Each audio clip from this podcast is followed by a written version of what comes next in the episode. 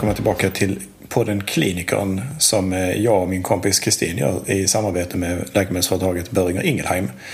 Jag som pratar heter Fredrik von Wåvern och jag har ju redan sagt vad du heter. Ja, jag heter Kristin Särvall. Jag jobbar som internmedicinare i Lund. Ja, och jag är internmedicinare i Malmö och Lund. Och vi har ju gjort några sådana här eh, poddavsnitt nu och eh, vissa är lite längre, vissa är lite kortare. Men idag ska vi köra eh, en kortis, tror vi i alla fall. Det blir Ja. så när man snackar. Plötsligt så blir man som en gammal gaggig gubbe och bara babblar på. Det är du. Det är jag det. Men eh, idag är det hypernatremi som står på Jajamän. programmet. Alltså dessa elektrolyter, det jobbar vi mycket med. Mm. Viktigt är det. Det finns ju så här knepiga problem kopplat till det. Det ena är att man kan mäta det enkelt. Så vi går omkring och mäter hela tiden. Ja, men hypernatremi är också något som jag tycker man träffar på ofta. Ja, Eh, ofta hos gamla. Och det första man tänker är ju att det är någon som är intorkad. Som har... ja det är ju. Jag ska inte säga att det är det enda omgången. Men, men det är väldigt sällsynt att det är någonting annat. Ja, Eh, En annan sak som jag tänker på är att det är generellt sett väldigt gamla, eller i alla fall väldigt, väldigt sjuka patienter. Och du har ju kollat upp eh, om man nu kommer in med ett eh, hyfsat, en hyfsad nivå på natrium när man kommer in på sjukan. Hur det går för de patienterna. Ja precis. Det finns ju en del studier på detta. Inte så många faktiskt. Men eh, den finns en studie med ungefär 20 000 eh, patienter där man har tittat på om patienter som har över 170 i natrium. Det är ju rätt saftigt. Ja, där har man då en mortalitet på 57 procent. Då känner man sig salt. Ja. Om man har 170 i natrium, det är tufft. Tufft alltså. Ja. Men det är viktigt att tänka på för att eh, det är ju, man kan ju på något sätt använda det som någon indikator på att det här kanske är en patient som är döende. Ja, men så är det nog. Och jag tänker att vi ibland... Eh, det var lite det jag menade i början, att när man, man kommer in och vi mäter en massa saker så går vi ju igång och man mobiliserar väldigt mycket sjukvård. Eh, Sen tänker jag att eh, ibland glömmer man bort eh, vad är det för en patient man har framför sig och vad är potentialen i det här egentligen. Det är ju inte sällan vi får patienter från eh, vårdboenden eller, eller, eh, eller med patienter med väldigt mycket hemtjänst och så en liten eh, grad av, av självständighet som då kommer in med höga natriumnivåer. Alltså det måste man fundera på när man drar igång hela balletten. Absolut. Vad ligger i patientens intresse? Det finns också studier som visar att om man är, alltså att mortaliteten är högre på patienter som ligger på IVA som har ett högt natrium Ja. på patienter med normalt natrium. Men det är lite inspa- spännande också för att eh, de där höga natriumnivåerna, vi är väldigt fokuserade på låga natriumnivåer. Det är man ju väldigt pepp på och där är vi ju hyfsat duktiga. Eller vet jag inte riktigt, men vi, för i ett annat avsnitt så har vi sagt att vi inte är så duktiga på det. Men, men jag tänker att vi är ändå bättre på att hantera de patienterna med låga natriumnivåer. Ja, Men där är ju eh, mortaliteten inte alls lika hög. nej men så är det ju. Där ligger den på samma studie som tittade på hypernatremi, de har också tittat på hyponatremi. Och där var väl ökad mortalitet på typ 18 procent jämfört med då 57. Ja, ja det är väldigt När man tog det som man kallar för svår hyper eller svår hyponatremi. Ja, och det är sannolikt också lite olika patienter, tänker jag. Ja, absolut. Alltså bland hyper, hypernatremipatienter så har man ju då en betydligt större variation av patientunderlag. Men, eh, Men vilka nivåer pratar vi om då? ja, Vad är var det inte det jag tänkte fråga dig nu? Ja. ja. Då får Ja. du köra. Ja, men en, för högt natrium det ser man att det är om det ligger över 145 Mm. millimol per liter. Det är ju precis över kanten då. Ja. Men man brukar kanske reagera när de ligger där omkring över 150. Så ska jag säga. Så är frågan liksom, vad, vad gör vi då när de kommer in, eh, de, så när patienten kommer in till sjukhuset? Ja, men det första som man ska göra är ju att prata med patienten och och få en ordentlig anamnes. Och går det inte att prata med patienten så får man ju göra det vanliga, titta över läkemedelslistor och fundera på varför patienten har fått en hypernatremi. Ja. Ja, och snacka med anhöriga eller där man kommer ifrån boendet hur det har gått sista tiden. Det är ju inte helt ovanligt att eh, det framkommer att patienten den senaste veckan eller veckorna har slutat äta eller dricka och tar inte sina läkemedel eller kanske tar vissa av läkemedlen så att de då blir ännu mer intorkade. Och det är ju såklart eh, ja, men lite en signal på att kroppen håller på att ge upp. Det är inte så ovanligt i alla fall att det är Nej. så.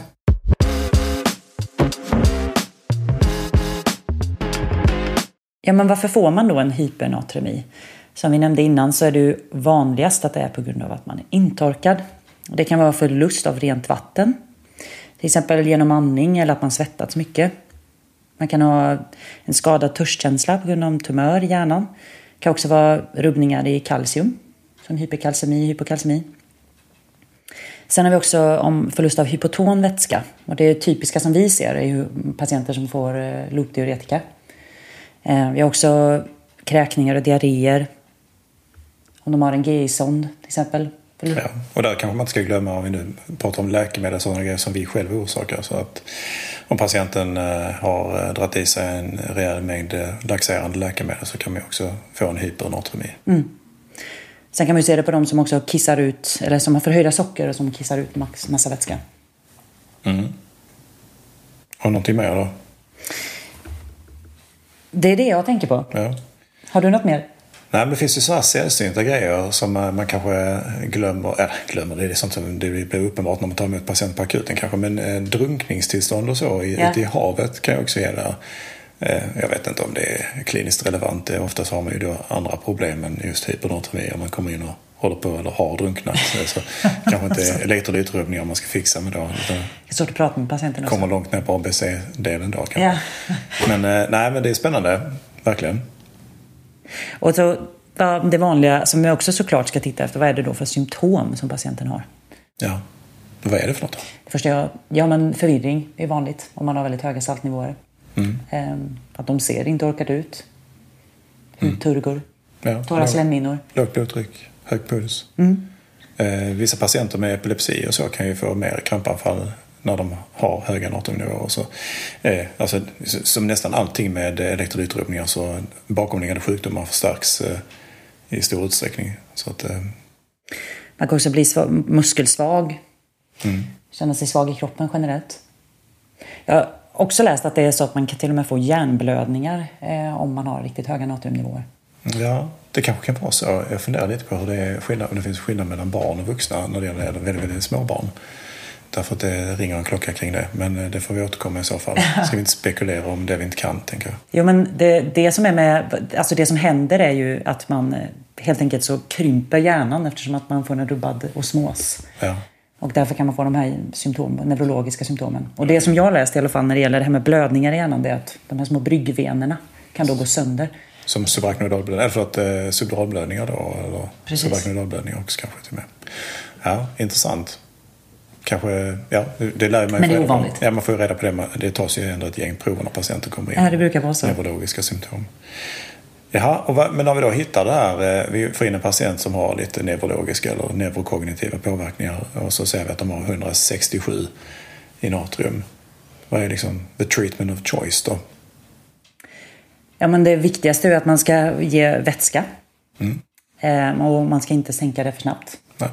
Vad skulle du säga är en bra takt att sänka natriumet? Alltså nu, eh, nu killgissar jag lite här, men eh, det brukar funka hyfsat. Nej, men eh, det jag, det jag har förstått och det som jag tror att man behöver förhålla sig till det är ungefär samma, samma takt i utjämning som man har när man eh, ska behandla en hyponatremi som är mm. symptomgivande. Jag tror att man eh, generellt sett, och då tänker jag på den, den kroniska hyponatremin, alltså 8 eller 10 millimol per, per dygn max. Eh, om man får ge det lite tid. Det är så jag har fått lära mig i alla fall. Och det brukar funka. Det, det, det kluriga är att patienterna generellt sett många gånger har väldigt uttalad vätskedeficit. Mm. Så man behöver ge så himla mycket vätska för att få effekt. Ja.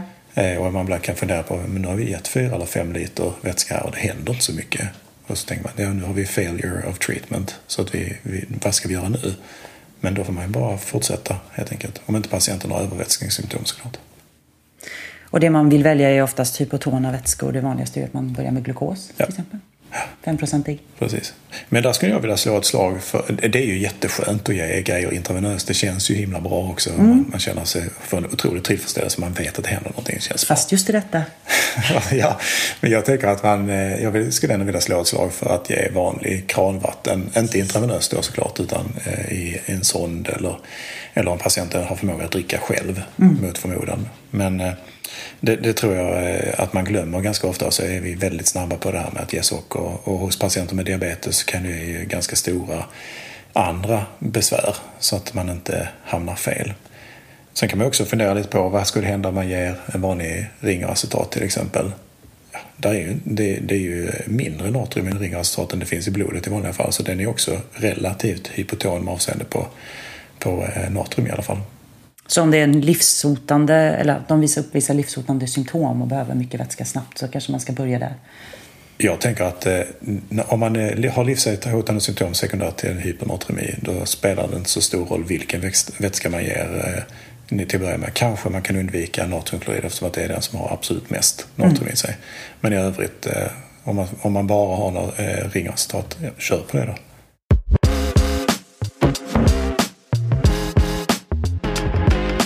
Ja, men eh, du, nu kom på det med varför vi egentligen vill behandla långsamt. Varför gör vi det? Nej, men det är för att det ska kännas bra. Nej. Så har inte jag lärt mig. Jag vet att man, det var sådana saker man var rädd för ju. När mm. man läste och pluggade. Så att man skulle, första patient man hade med både hyponatremi eller hypernatremi, att man skulle korrigera det för snabbt för man var rädd för hjärnödem. Ja, men inte det är lite grundtesen i medicin att allting som har uppstått långsamt ska korrigeras långsamt och allting som har kommit snabbt ska korrigeras snabbt och allting som är jätte, jättefarligt och dödsbringande måste man fixa lite fortare. Eh, sen är det väl lite där med med eh, vad är det som egentligen händer då? Jo, men alltså vid alla elektrolytskiften som korrigeras fort eller uppstår fort så, så stör det ju den vätskeutsöndring som finns mellan celler och extracellulärvätskan och det är såklart att då krymper cellerna eller expanderar cellerna. Och korrigeringar som sker snabbt kommer ju då kunna rubba cellmembranen och så kan det spricka. Det som till exempel händer vid pontin myelinolys syndrom. Som man ser vid hyponatremi, Exakt. till skillnad till hypernatremi där man då ser hjärnödem. Exakt, ja. Och det är ju trist eh, hos patienter som redan är kognitivt sänkta eller medvetandesänkta. Det blir svårare att upptäcka de här hjärnödemen.